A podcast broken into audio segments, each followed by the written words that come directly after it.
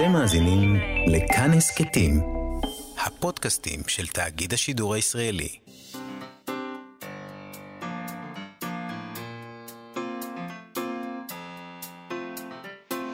מה שכרוך עם יובל אביבי ומה יעשה לה. שלום, צהריים טובים, אנחנו מה שכרוך, מגזין הספרות היומי בכאן תרבות, מאיה סלע ויובל אביבי ב-104.9 ו-105.3 FM. אפשר למצוא אותנו גם ביישומון ובאתר של כאן, וכמובן ביישומוני ההסכתים. איתנו באולפן היום תמר בנימין ואלון מקלר, שלום לכם ושלום גם לך יובל. שלום מאיה. שמעת את החדשות עכשיו? לא. המערך הקרדיולוגי של איכילוב הוא השני בעולם. זה טוב. זה מרגש. הנה, אנחנו מצוינים במשהו. יש שם איזה אה, שלושה רופאים שזה... ואמרתי לעצמי, אוקיי, התקף לב, לא נורא, נגיע לאיכילוב, יהיה בסדר. את חושבת על זה אותי. במובן של גאווה, אבל אני. באמת חושב על זה במובן של פרקטיקה, זה קרוב לבית. נכון, זה טוב, זה פה, ואני בקבוצת סיכון, אני. גבר מעל גיל 40, אני לא רגוע. אמ, זה בטח יהיה קשור לחיים שלי בעתיד. אז אה, טוב. ישר לאיכילוב. אנא הם יצילו אותך. שעוד מישהו יצטרך להציל. ברכות, זה מרגש. אותי זה מרגש. בכלל, רופאים זה דבר שמרגש אותי, כי הם יכולים להציל את חיי. זה נכון. לפעמים. ולפעמים הם לא מצליחים להציל. לפעמים הם יכולים לקבוע את שעת המוות. נכון. זה גם בסדר. אה, אוקיי, יופי, זו הייתה האתנחתא הקומית להיום. אה, אנחנו נמשיך עם אה, ברנר, תכף נמאס לנו מברנר, נשוב ונעסוק היום, זה קשור לנושא, שכול וכישלון. זה ממש קשור לשיחה הקודמת על הרפואה. שכול וכישלון, אנחנו נדבר עליו עם פרופסור אורי שין כהן מהחוג לספרות באוניברסיטת תל אביב, בעקבות מאמר שהוא כתב, אורי שין כהן, לא ברנר, אה, בגיליון האחרון של כתב העת אה, לספרות ולתיאוריה אות, מהאוניברסיטה, אה, מהאוניברסיטה בתל אביב, הוא עורך אותו גם ביחד עם פרופסור מיכאל גלוזמן ודוקטור מיכל ארבל. במאמר שלו, בין השאר, פרופסור אורי שין כהן משווה בין הספר שכול וכישלון של ברנר למגילת אסתר. והוא מסיק מתוך ההשוואה הזאת כל מיני מסקנות לגבי התפקיד של הספר בהבנת הכוח של היישוב היהודי תחת השלטון העות'מאני והבריטי. מאמר מאוד מעניין. מאוד. אה, אני רוצה אה, למחות על הפתיח שלך שאומר שלא נמאס לנו מברנר, כאילו אנחנו צריכים אה, להתנצל על זה שאנחנו מדברים על ברנר, אנחנו בחיים לא נפסיק לדבר על ברנר. ברנר הוא ידיד התוכנית. זה הכל. אז בבקשה, ואנחנו לא נתנצל על זה. לא נתנצל על זה. טוב, אחר כך נדבר גם עם צור שזף שלנו, זהו, צור שזף הוא כבר שלנו, איזה כיף להגיד את זה, בפינתו דרך הספר, שבה הוא מדבר איתנו על ספרי מסעות. נכון, אבל נתחיל במשהו אחר. מחר אמור להימכר במכירה פומבית ספר תפילה עברי מאויר בן 700 שנה שמעניק הצצה לחיים ולמנהגים של קהילות יהודיות באירופה בתקופת ימי הביניים. מעריכים אותו בחמישה או שישה מיליון דולר, אתה יודע, זו מכירה פומבית, אז אנחנו לא יודעים מה יצא שם בסוף. מדובר במחזור לוצטו, שהוצא למכירה בסניף סודביז בניו יורק. דוקטור ספי הנדלר מהחוג לאמנות באוניברסיטת תל אביב כתב בהארץ שהספר הזה הוא הרבה יותר מספר עתיק. ייתכן שהוא מחזור התפילה החשוב ביותר שעומד למכירה במאה השנים האחרונות. בהשאלה מדובר בכתם, בכתר ארם צובה של יהדות צרפת, אוצר נדיר שנדד לפריז וקיווה למצוא שם בית מוגן, אבל אה, מסתבר שאין בית מוגן לאוצרות מהסוג הזה. ספי הנדר מספר אה, בהארץ שאת המחזור היפה הזה לראש השנה וליום הכיפורים כתב וייר סופר ששמו אברהם, לפני כ-700 שנה, באזור בוואריה, אוקיי? זאת אומרת, זה לא שייך לצרפת. משם נדד המחזור הזה לאלזס ולאגם קונסטנץ ולצפון איטליה ואז לצרפת, וכשהוא הגיע לאוסף של המשורר היהודי האיטלקי בן המאה ה-19, שמואל דוד לוצטו, הוא, הוא קיבל שם את השם הזה שלו, מחזור לוצטו, אוקיי? עם מותו של לוצטו רכש אותו ארגון אליאנס, כל ישראל חברים, שמר אותו במשך כ-150 שנה. 150 שנה הם הצליחו לשמור על זה, והנה עכשיו הם מוכרים אותו. כן, אנחנו דיברנו על זה לא פעם, בין השאר עם אילי גרין וגם עם אחרים, אילי גרין מהאחים גרין, על כמה פריטים מה, מהסוג הזה, עד כמה ראוי שהם יהיו בידיים פרטיות, עד כמה הגיוני בכלל אה, לסחור בזה. אז אה, ראשי אליאנס, האגודה הפילנטרופית היהודית שהוקמה ב-1860 בצרפת, הם טוענים פשוט שיש להם משבר כלכלי, והם הסבירו שיש לארגון חובות בסך מיליון וחצי אירו בשנה. הם אמרו שהמכירה היא הפתרון היחיד שיבטיח את הישרדות הספרייה של הארגון עד 2030. וצריך, די מעניין, למה לארגון פילנטרופי יש כאלה חובות? זה חובות מאוד, רציניים, כן, כן. מיליון וחצי, הם מדממים אירו, מה שנקרא, מיליון וחצי בשנה. בכל אופן, אה, ספי הנדלר בהארץ תוהה לגבי המכירה של האוצר יש לו כל אוצר כזה, אבל זה ספציפית, הוא טוען שאולי זה חוקי, אבל גם מעורר שאלות קשות בדבר האחריות הציבורית של מי שהופקדו בידיהם נכסים למשמרת דורות, ועכשיו מחליטים שתזרים המזומנים חשוב יותר. הוא כותב, כש, כשמדובר בכמה מהדמויות המוכרות בקרב יהודי צרפת, זה מאכזב במיוחד. והוא קורא למדינת ישראל באמצעות הספרייה הלאומית בירושלים לרכוש את המחזור של לוצטו, על אף שמדובר במחיר לא מבוטל, וזה... לא מבוטל במיוחד. זה- תלוי, אבל נגיד אם אתה אל הון כזה שמתעסק בהימורים, מה זה חמישה מיליון דולר בשבילך? זה, אתה עושה את זה ביום כזה. כן, אבל הם, אני חושב שהספרייה הלאומית הם לא... לא. אל הון שמתעסק לא, לא, לא, בהימורים. הם לא, הם לא. תשמע, הוא קורא למחזור הזה, ספי הנדלר, כדי לה- שנבין על מה מדובר כאן, הוא קורא לזה המונליזה של יהדות צרפת. לא פחות מהדבר הזה, המונליזה. אה, אם לספרייה הלאומית אין כסף, אז, אז אתה יודע, יש כל מיני פילנטרופים, בעלי הון יהודים, ישראלים, שבאמת אני חושבת שזה לא הרבה בשבילם, חמישה מיליון דולר. ו- ואפשר גם להציע להם מין הצעות, כי הם אוהבים להנציח את עצמם, אז הם יכולים ל- לקרוא למחזור הזה על שמם.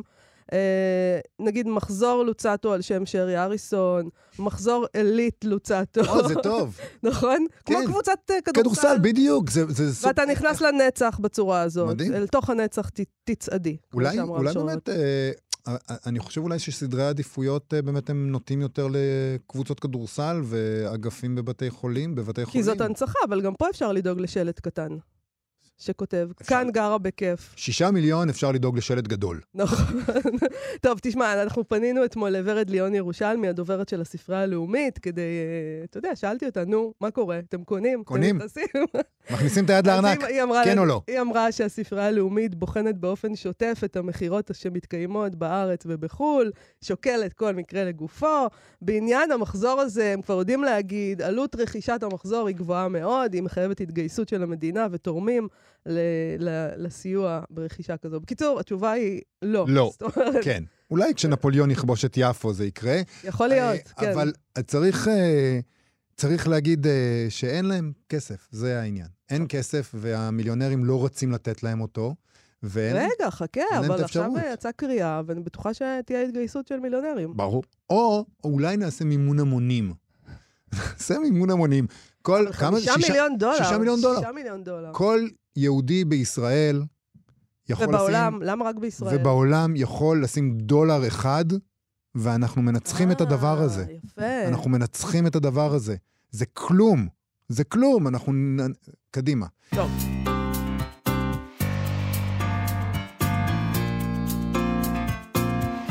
מגילת אסתר, ככה כותב פרופסור אורי שין כהן במאמר שלו, בקרוב ניסע ונלך, ברנר והכוח הזר. אז הוא כותב, מגילת אסתר היא ספר ההדרכה של הפוליטיקה היהודית בגלות. וככזו, הוא משווה בינה לבין שכול וכישלון של אה, ברנר, י"ח ברנר, ואף שהספר של ברנר עוסק בארץ ישראל ולא בגלות, מתוך ההשוואה הזאת הוא מסיק על, יחס, מסיק על יחסי הכוחות של היישוב היהודי תחת שלטון זר בארץ ישראל. כל זה לא קורה הבנתי ב... כלום. לא הבנת כלום? כלום. רגע, נסביר. אוקיי. כל זה קורה ב- בכתב העת אות, בגיליון העשירי והאחרון שלו, שיוצא באוניברסיטת תל אביב, בחוג לספרות. שלום לפרופסור אורי שין כהן מהחוג לספרות באוניברסיטת תל שלום, אביב. שלום רב, אה, טוב להיות איתכם. שלום, אה, אורי. מזמן לא היית. אורי, תסביר תראה. התגעגענו, התגעגענו. כן. הנה, מצאנו הזדמנות, ועוד עם ברנר, זה, ממש שבט אחים יחד. אז בוא נתחיל מההתחלה אולי, בסדר? בוא נדבר על הזיקה הזאת בין אה, המגילה לספר הזה. אוקיי. אה, אני צריך לדבר לדבר על זה? אתה אתה- אמור לדבר. אנחנו לא יודעים על זה תשמע, כלום. אנחנו לא מבינים כלום. אה, לא, לא נכון, אני קראתי את המאמר, הוא מאוד. מעניין. בוא, אבל...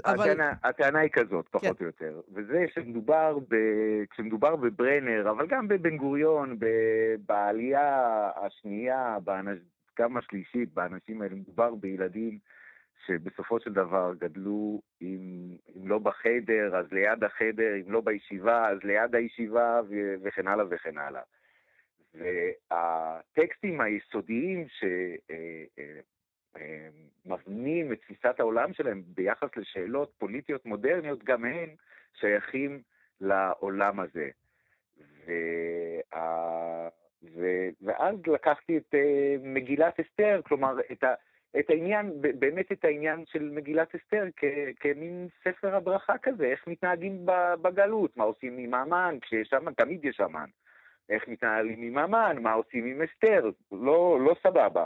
אבל זה מה שעושים. כן. אה, מה עושים עם המנוצחים? כביכול פורעים בהם פרעות, אני יודע, אולי גם זה כנראה משהו שנלמד היטב. בקיצור, לקחתי, אני, אני לוקח את, את מגילת אסתר כמין ספר הדרכה, כספר שיש לו, אני, אני, אולי אני אעמוד שנייה על הנקודה הזאת. נניח אם ילד, ילדים, לא יודע, שגדלו בחינוך, נגיד החילוני, נקרא לו ככה, אם יש דבר כזה, אה, מגילת אסתר בשבילם זה לא טקסט רציני. זה מין כזה whatever, פורים, תחפושות נכון, נכון. רעשנים וכאלה. אגדה כזאת, חביבה. כן.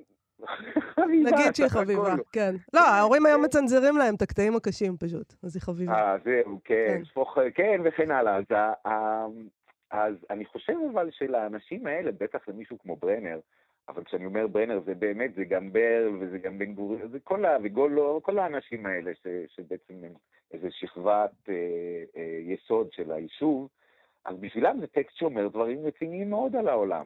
וגם מה אה, שאתה, לפי מה שאני קוראת, ב, קראתי במאמר הזה, אז הבנתי שבעצם אנשים חרדים שיקראו היום את ברנר, יבינו אותו בצורה הרבה יותר עמוקה ממה שחילונים. כי יש שם את, את, יש שם את החדר, אין מה לעשות. אה, זה- זה נכון גם להגנות, זה אולי נכון לכל הספרות העברית. אני אגיד משהו ש, ש, שאולי צריך לומר אותו. הספרות העברית זה כמו, יש בה איזה אלמנט שהוא כמו Groundhog Day. כמו הסרט הזה עם ביל מרי, שכל יום מתחיל מחדש אותו יום, כן. כן. אוקיי? נדמה לי גם ראשן דול זה די דומה, אם אני לא טועה. נכון. רגע, למה הספרות העברית- היא ככה? הספרות העברית מטפלת במשבר אובדן האמונה ובמשברי הגבריות של גברים יהודים שמתפקרים באופן רצוף ובאיזשהו אופן חוזר על עצמו מראשית הספרות. מתי. כבר תפסיק עם המשבר הזה, גברים? מה זה? אין לנו שום אין כוונה לנו כוח כזאת. לזה יותר. אין לנו כוונה מה כזאת זה? להפסיק. אין לנו כוונה להפסיק. כל יום אותו אבל, יום. אבל, אבל זה בדיוק העניין, כי אתה מדבר על, אה, אתה אומר, זה ספר הדרכה של הפוליטיקה היהודית בגלות, אבל במאמר שלך, וכמובן שזה אה, מוביל אותנו לדיונים אה, מאוד מאוד סוערים בקשר ליצירה של ברנר, השאלה היא לא רק לאומית, אלא שאלה מגדרית, ושתיהן קשורות זו בזו. ואני אני מת על זה שאתה מתאר שם איך אסתר היא אסתר, וחמילין הוא, הוא המן, זה, אפילו יש איזה מדרש שם, וחפץ הוא אחשורוש. אני מת על, על זה שאתה אומר שחפץ הוא אחשורוש. כן. אני, אתה יודע, זה, אבל אני חושב שכן, כי אחשוורוש, אתה רואה, אחשוורוש הרי הוא סופר, מה, זה, זה, הרי אחשוורוש הוא סופר מוגזם, לא? הוא שם זורק נשים לת, לתוך שמן התמרוקים לזה לחצי שנה לפני שהוא יכול להסתכל עליהם. יש שם, הוא מביא את, אה, שהוא מביא את ושתי, זה גם, זה, יש שם איזה, יש כל הזמן משחקים, המגילה היא סופר מתוחכמת עם השאלות של עודפות, ואיך לפעמים עודפות היא היעדר ומהי המידה הנכונה, והמידה הנכונה היא אכן מידתו של מרדכי. אה, אז אה, אני חושב שחפץ, אתה יודע, אנחנו מדברים על שכול וכישלון כאילו המאזינים בבית. זהו, כולם מכירים את זה. אולי צריך בוא להגיד איזה בוא מילה. נדבר עליו, כן. אז, אז חפץ הוא, הוא, הוא הגיבור של שכול וכישלון, והמיניות שלו היא, היא לא ברורה, כלומר, היא די ברורה לי, אבל יש ויכוחים על זה. והוא הוא גבר לא גבר, הוא, הוא לא בדיוק הדמות הגברית הזאת של, ה, של האיש הקבוצה והפועל, והוא מנסה לנהל יחסים עם אסתר, שהיא בת דודתו, שהיא כשלעצמה מתוארת שם כגברית למדי. ובתווך יש שם אה, את חמינין, שהוא גבר-גבר כזה, והוא גם כן מנסה שם אה, לכבוש לבבות, והוא באמת דמות הגבר הנהדרת, החסונה, היפה, המשכילה. אה, וזה פחות או יותר משולש האהבים, וזה גם משולש האהבים אה, במגילה. כן, נכון, והכיש- יש שם, אז יש שם, אני חושב, ואני לא יודע, שוב פעם, אני, זה באמת כמו בגיאומטריה, אני לא יודע אם אתם זוכרים, אבל העניין הזה של דמיון משולשים. זאת אומרת שזה לא בדיוק אותו דבר, אבל זה בפרופורציות ובזה וכולי, ויש, ונגזרות מתוך זה כל מיני, נגזרים מתוך זה כל מיני דברים שהם נכונים, מתוך ההשוואה של שני, שתי צורות שהן שהן לא, שהן דומות, הן לא זהות. גם אז אפשר להסיק דברים, ובספרות זה עובד אה, הרבה מאוד. אז כן, גבר, אה, כלומר, עוד פעם, הציונות, או חיפ- ברנר בתוכה, חיפשו את ה, בין השאר את, ה, את הגבריות היהודית בארץ ישראל, זה לא... והם מחפשים את, הג... את המודל הגברי הנכון כדי בעצם להגיד לנו איך להתנהל לאומית. זה מה שאתה אומר, נכון? זאת אומרת, כשאתה כן, אומר מרדכי זה- זה- הוא, ה... הוא המודל הגברי הנכון, אז אתה אומר, זה מצביע על איך אנחנו אמורים להתנהל אה, כיישוב יהודי בעל כוח מסוים תחת השלטון העות'מאני, תחת השלטון הבריטי. כן, אני חושב שזה הדבר, זה, זה הדבר המהותי ששם, שבעצם המידה, בגלל ששני הדברים האלה קשורים, זאת אומרת, שאלת הכוח, שאלת, כל הדברים האלה, שאלת הכוח, שאלת הלאומיות, השאלה המגדרית, כל אלה, אלה שאלות, כיוון שבשביל אנשים כמו ברנר, בתחילת המאה, אף אחת מהבעיות האלה אינה פתורה באיזה אופן משביע, אה, משביע רצון. אז ברגע שכל, כיוון שכל השאלות האלה קשורות והרומן נכתב מתוך הקשר בין השאלות האלה, אז באמת ההתנהלות המגדרית הנכונה היא גם ההתנהלות הנכונה מבחינת הכוח. ואני יודע, אתה יכול להגיד, טוב, מה החידוש פה להגיד שזה, שמתינות וצבירת כוח זאת הדרך הנכונה להתנהל בנסיבות כאלה, בנסיבות של קונפליקט לאומי ש... אה, אה, תחת, תחת המכסה, שנמצא בתוך סיר שסגור עליו המכסה של האימפריה. אה, מה שאני חושב שמעניין, או לפחות בעיניי היה מאוד מעניין, זה שבאמת זה לא משנה עכשיו אם זה העות'מאנים או הבריטים. נכון, אתה, ו- אתה, אתה כותב את זה למרות שכשברנר כותב, זה, הוא לא... הוא, הוא, כותב נגיד על, ה, על, ה, על ערבים, זה, הסכסוך הוא עוד לא שם, זאת אומרת, הוא, הוא כותב בזמנים אחרים. תראי, זה, זאת, שאלה, זאת שאלה מאוד שאלתית. אה, אני חושב שברנר הבין, אה, אה, הסכסוך בוודאי לא נראה כמו שהוא נראה אחר כך, אבל זה נכון כמעט לכל עשור.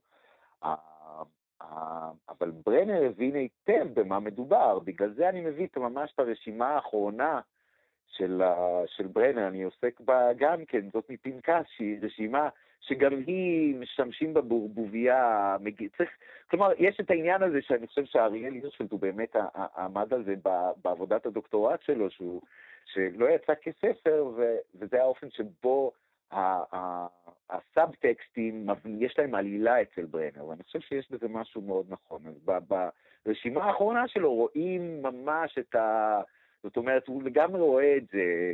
התיאור הזה שלו, שיושב שם איזה בחור ערבי שהוא אומר לו שלום והוא לא עונה לו. כן. ואיך כן, הוא אומר... מיד בדיוק, מיד יש לזה שכבות ושכבות, לא, כן. אה, לא, לא איתם שכרם, אנחנו לא לא- הם ולא שכרם. כן, בדיוק. ממש איתם הוא- אנחנו לא נוכל אה, לעשות עסקים עם, עם הערבים האלה. הוא כן. אומר את הדבר הזה שאנחנו מכירים יותר מדי טוב, זאת אומרת, עדיף, מה זה ואלי קורס בטמבוב, מאשר את פולני המזרח האלה. אתה יודע, גם, פולני גם כן, המזרח הוא קורא להם. קצת כמו שקורה פולני לפעמים, המזרח, שלושה ימים אחר כך פול... אה, זה כן, הוא נרצח. על ידי פולני המזרח. אבל אתה יודע, קורה בו משהו ב- ב- במאמר הזה, שקורה, גם כן הוא משיק לפעמים לאיך שגברים, וגם נשים אולי, מתנהלים ביחסים רומנטיים, זה שהרבה ממה שמתחולל שם לכאורה כבחינת מציאות קונקרטית, זה הכל אצלו בראש. כן. אתה אומר לעצמך, הנה, היא עשתה ככה וככה, אז אני אעשה ככה וככה, אני אתקשר אחרי יומיים, אבל כל התהליך הזה זה רק אצלך, היא לא התכוונה לכלום. אה, אני חושב שכן, זה, אתה יודע, זה, אני חושב קוראים לזה, זה סוגים של חוסר ביטחון, אם אני לא טועה.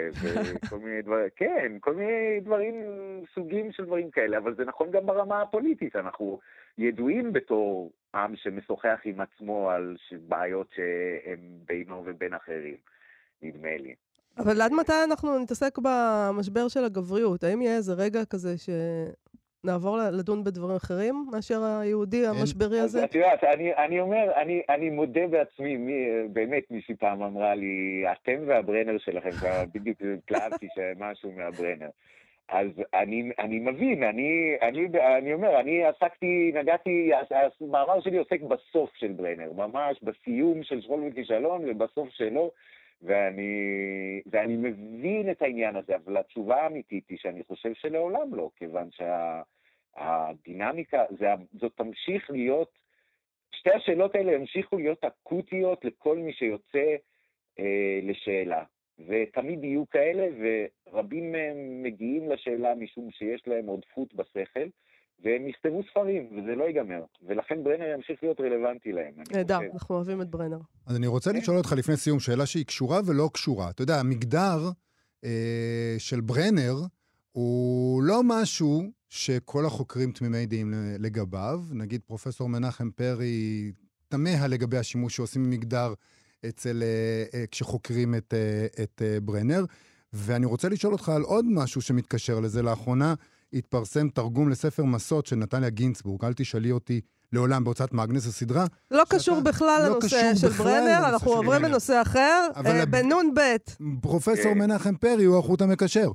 אה, הסדרה הזאת אה, יוצאת בהוצאת מאגנס ואתה משמש במערכת שלה, והוא פרסם בתגובה, אה, מנחם פרי, שהוא עורך הוצאת הספרייה החדשה, פשטגן, פשטגן הוא פרסם. אה, אה, הוא קורא לזה הערה על עריכה מדעית, יש לו טענות על הדרך שבה תורגם הספר, ויש מין מלחמה על הדרך הנכונה לתרגם אותה. אני אגיד שאנחנו נטליה דיברנו, פה על אה, ספר המסות הזה של נטליה גינצבורג, עם מנואלה קונסוני, פרופסורית. באוניברסיטה העברית, כן. ומנחם פרי יש הרבה ביקורת על ההוצאה הזאת, ומכיוון שאתה יושב שם במערכת, אנחנו מנצלים את ההזדמנות לשמוע מה עמדתך.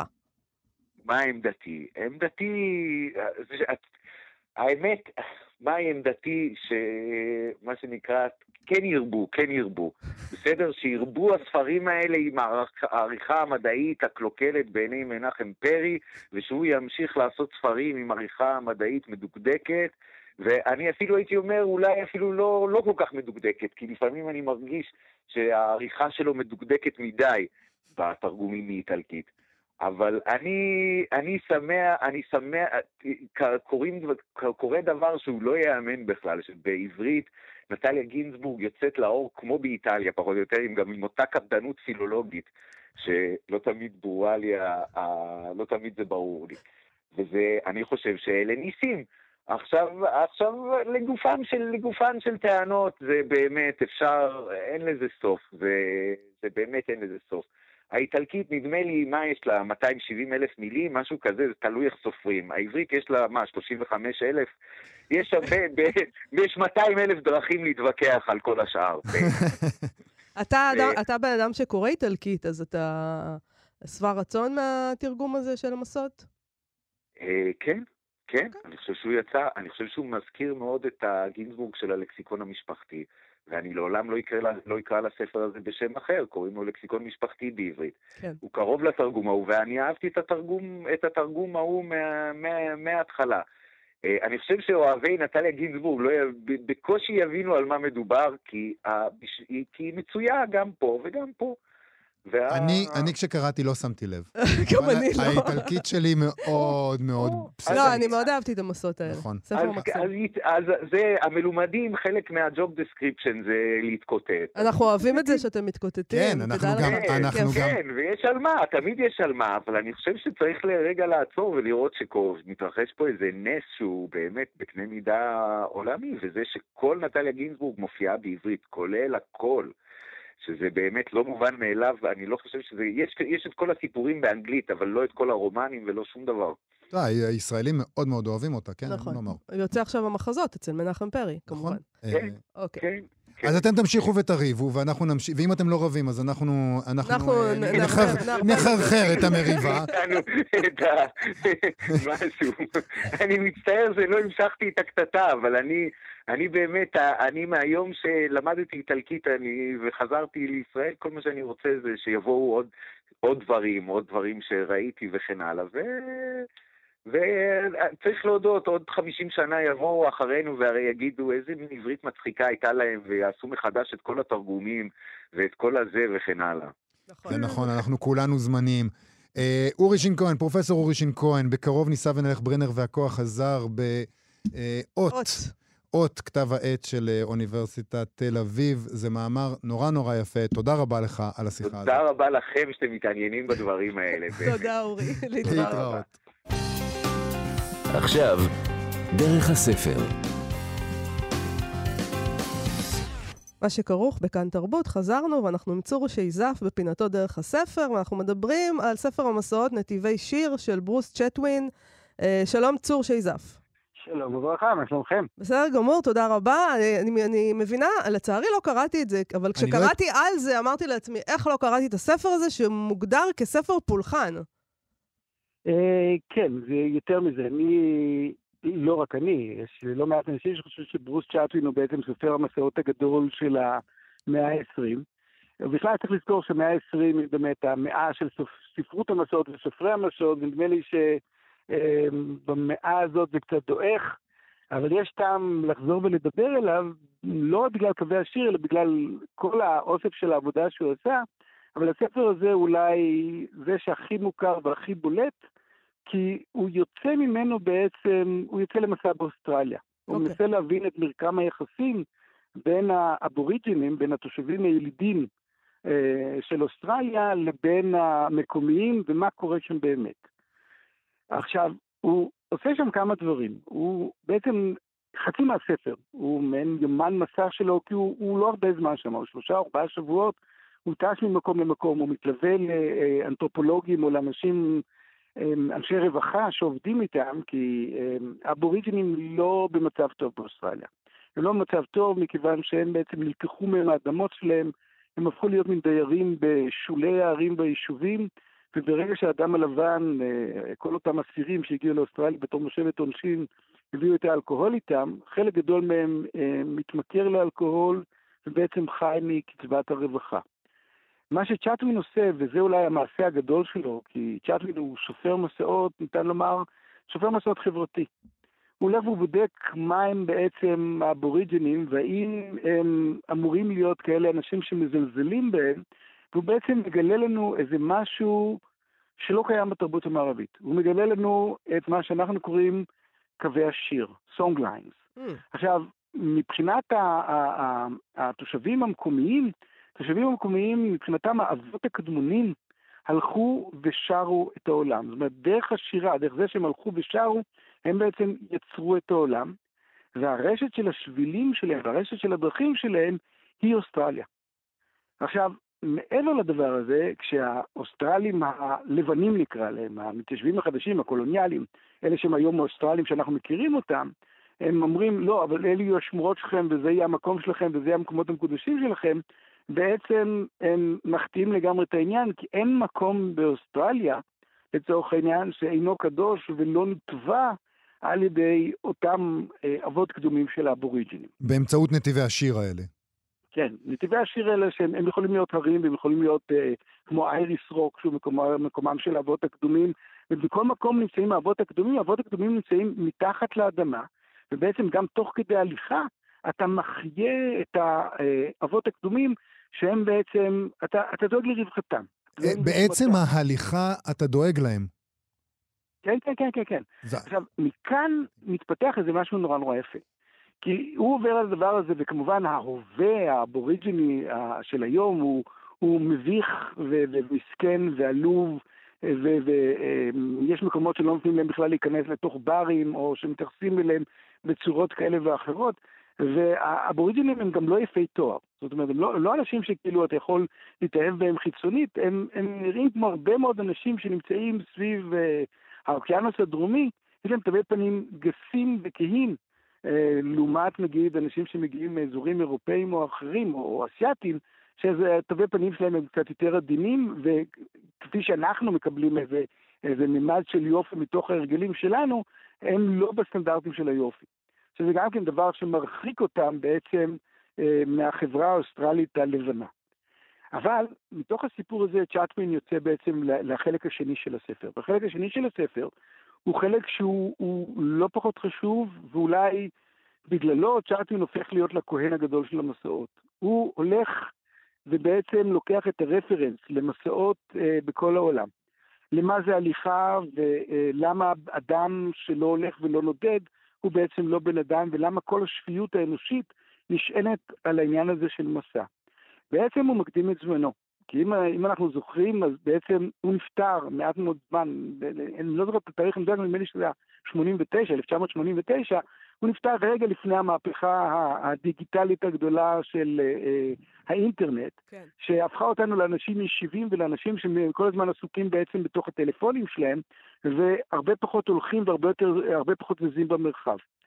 ועכשיו, הוא, הוא מנסה להגיד לאנושות, חברים, תירגעו, תפסיקו לנסוע כל כך הרבה, תפסיקו לטוס כל כך הרבה, תקשיבו לאדמה, תבינו שחלק מהבריאות הנפשית האנושית בעצם קורה בכל המצב של הנדודים, והוא מביא דוגמאות של נדודים מכל רחבי העולם. זה יכול להיות הטוארג בצפון אפריקה, וזה יכול להיות uh, השבטים הערבים ונדידת uh, 40 הימים שמתרחשת מחרטום לכיוון אימבאבא שבמצרים, ונדידות המלך, המלך הגדולות uh, שהולכות מטימבוקטו uh, לכיוון מרוקו.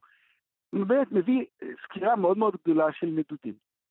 שזה באמת אחד הדברים השווים והיפים. עכשיו, זה ספר שגם תורגם לעברית. אני מעדיף אותו כמובן באנגלית, מי שיכול לקרוא אותו באנגלית, שיקרא אותו באנגלית, אבל הוא תורגם גם לעברית, בעיניי תרגום שאינו הולם, נגיד, את איכותו האנגלית של הספר, אבל יש תרגום, מי שמתבטא לקרוא את זה באנגלית. זה נשמע מדהים, אבל אני רוצה רגע לחזור לרעיון המופשט הזה של נתיבי שיר, והאם יש, איך הספר בכלל מטפל בדבר הזה? זה הרי רעיון שעבורנו... הוא... אני מבין שהרעיון הזה מתגלגל אצלו גם לחלק השני של הספר. עד כמה זה באמת משהו מוזיקלי, עד כמה זה באמת אה, משהו שאנחנו יכולים להתחבר אליו בהקשר הזה, כי זה רעיון שתרבותית זר לנו, אנחנו, איך אנחנו יכולים ליישם אותו אחרי שקראנו את הספר הזה? אה, אני לא בטוח שאנחנו יכולים אה, ליישם אותו, אנחנו בתור אנחנו. צריך לזכור שאנחנו תרבות אחרת, ובכל זאת האבוריג'ינים תרבות אחרת. אבוריג'ינים הולכים פיזית ושרים או מהמהמים אה, בצורה שלהם ובניגון שלהם, וחוזרים על האגדות. עכשיו, כל דבר כזה, כל שיר כזה הוא סיפור על איך הלטאה הגדולה בעצם יצרה את הדברים האלה, ואיך הקנגרו עשה את הדברים האלה, זאת אומרת, זה, זה מלא שירים שמתארים את העולם. עכשיו צריך לזכור, אנחנו מכירים אפוסים. זאת אומרת, יש לנו מלא אפוסים, כולל האפוסים הקדומים ביותר, שמתחילים להגיד באכד ובבבל וכל הדברים האלה, ומתארים את יצירת העולם, שמתוכם נולד גם האפוס שלנו, של המבול ושל נוח וכל הדברים האחרים. זאת אומרת, גם אנחנו בעצם מייצרים שירה. ההבדל הגדול, וזה דבר שאני אשווה אותו רגע למקום אחר שאינו קשור לנדודים, כשאתה נוסע להודו, אתה נמצא בהודו ובכל מקום בעצם הפולחן מתרחש לך מול העיניים, בדיוק כפי שהוא התרחש לפני 3,000, 4,000 או 2,000 שנה. זאת אומרת, אנחנו איבדנו פה את הפולחנים שלנו, אנחנו איבדנו פה את השירים שלנו, אנחנו שרים אותם לפעמים, נגיד, במסורת שלנו, בבתי כנסת, גם אם זה, זה יכול להיות מגילת רות, ואפילו את הסיפור של יציאת מצרים, או דברים כאלה, אלה בעצם האפוסים שלנו. אז זה לא חלק אורגני מהחיים כן, שלנו. כן, הנאורות חיסלה את העסק הזה. חיסלנו. נכון, נכון, נכון, כן. נכון, נכון, נכון, נכון. עכשיו, פה יש לך תרבות אוראלית, שלא אינה כתובה, וזה גם דבר מאוד מאוד חשוב, כי אנחנו, הוא כותב בעצם את הסיפור של התרבות האוראלית, שהיא תרבות שעוברת מאב לבן. אנחנו, זה בדיוק, אה, אם, לא, לא בטוח שמעתי את מאיה עד הסוף, אבל נדמה לי שמאיה אמרה שהספרות אה, חיסלה את התרבות. כן. כן. אם, זה, אם זה מה שאמרת, אז... הנאורות, כן, הנאורות. הנאורות, אבל גם הספרות. ברגע כן. שהתחלנו לכתוב בעצם, התחלנו לשכוח. נכון. ובתרבויות, נקרא להן תרבויות אוראליות, תרבויות שמספרים, זה עובר, והגעת לבן, לבנך, או הגעת לבנך, אלה הדברים החשובים, וזה בעצם הדבר שבעצם צ'אטווין מתאר לנו, אבל הוא מתאר זה שזה קורה תוך כדי תנועה. ולכן גם אצלנו האפוס החשוב ביותר הוא האפוס נגיד של היציאה ממצרים, כי שם בעצם נולד העם ונוצר העם, ובעצם אם לוקחים ומלבישים את זה על התרבות האבוריג'ינית שקיימת גם היום ומתרחש גם היום, אז זה בעצם הגדולה של, של צ'אטווין, שהוא לוקח ומתאר לנו מה קורה ומוציא מהם את הסיפורים, ואחרי זה כמובן עובר להגדים בכל רחבי העולם. אני רוצה לשאול אותך, אתה אמרת משהו בפתיחה כללי, וזה נורא מעניין אותי להתעכב על זה, אמרת במאה ה-21, עכשיו יש פחות ספרי מסע, בעצם כי אנחנו לא יוצאים למסעות יותר, ואתה חושב שהתחסל כל העסק הזה, שנקרא מסע? אני לא חושב שהוא התחסל, אני חושב שיש פחות עניין בספרות. תראי, ספרות מסע צריך לזכור, היא הייתה גדולה מאוד נגיד באנגליה ובארצות, בצרפת, והיא קצת בשקיעה בזמן האחרון, כי אני חושב שהמדיה עוברת לכיוון הבלוג והאינטרנט, וכולם יש להם את האינסטגרם ומתארים מכל מיני מקום, ואין לאנשים, או נגיד ככה, יש לאנשים פחות סבלנות לעשות את המסע וללכת ולראות את הדברים לעומק. זה בעיקר הדבר שהשתנה, זאת אומרת, אני חושב שאנחנו, הסבלנות שלנו התקצרה. היכולת שלנו לספוג דברים התקצרה. אני חושב שאנשים קוראים פחות. אני חושב שאנשים נמצאים הרבה יותר הם, מוצתים על ידי, ה, אה, על ידי המכשירים ועל ידי המחשבים. אני רוצה להמליץ, לא יודע אם אמרתי את זה כבר בעבר, אבל יש סדרה נהדרת של אה, אדם קרטיס, הבמאי הדוקומנטרי האנגלי הגדול, mm-hmm. שנקראת Can't Get You Out of My Head. סדרה שנמשכת על פני עשר שעות, והיא מתארת את ה-60 שנה האחרונות, מ-1960 עד 2020, עד ראשית הקורונה, פחות או יותר בארבעה מקומות, בריטניה, אמריקה, רוסיה וסין, איך בעצם העולם משתנה מלספר סיפור למופעל דיגיטלית. וזה קטע מדהים. אני הולכת לראות את זה. בוודאי. לא, חייבים לראות את זה, ואם כבר דיברנו על זה, אז תראי עוד, עוד עבודה שלו שנקראת ביטר לייק, על איך בעצם צמח כל העניין הזה של וואביזם. שני דברים שלא אינם קשורים לצ'טווין, אבל באיזשהו מובן אני כן חושב שמתחברים אליו, עוד פעם, שני אנגלים גדולים, אחד מת, לצערנו, והשני חי, לשמחתנו, אדם קרטיס, הבמאי הדוקומנטרי המצוין, ופלוס צ'טווין, סופר המסעות הגדול. צור שזף, תודה רבה לך על עוד פינה נפלאה. אנחנו כבר לא יכולים לחכות לפעם הבאה שתבוא אלינו. נתיבי שיר, ברוט צ'טווין, אני מת לקרוא את זה. נעשה את זה נשיג, באנגלית, כן. נשיג. תודה, תודה רבה לך. להתראות. ביי, להתראות.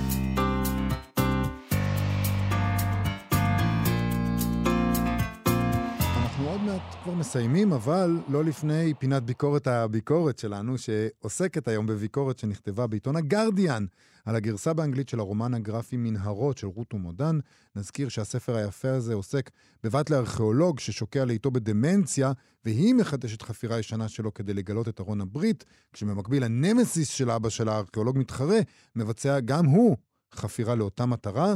אני מאוד אהבתי את הספר הזה, וכך גם המבקרת של הגרדיאן, רייצ'ל קוק. נכון, אנחנו מאוד מבסוטים כשהם uh, מגלים שאנחנו... שאנחנו... ש... אנחנו, זה כמו הרופאים האלה. זה כאילו אנחנו, אנחנו זה רות עבודה, ישבה ועבדה. ואנחנו נשארים על המפה. בדיוק. Uh, טוב, אז היא מתארת את הספר כגרסה מצוירת של שודדי התיבה האבודה, כפי שהייתה uh, מציירת uh, גרסה פמיניסטית של ארג'ה, הקומיקסאי שיצר את סדרת טינטין.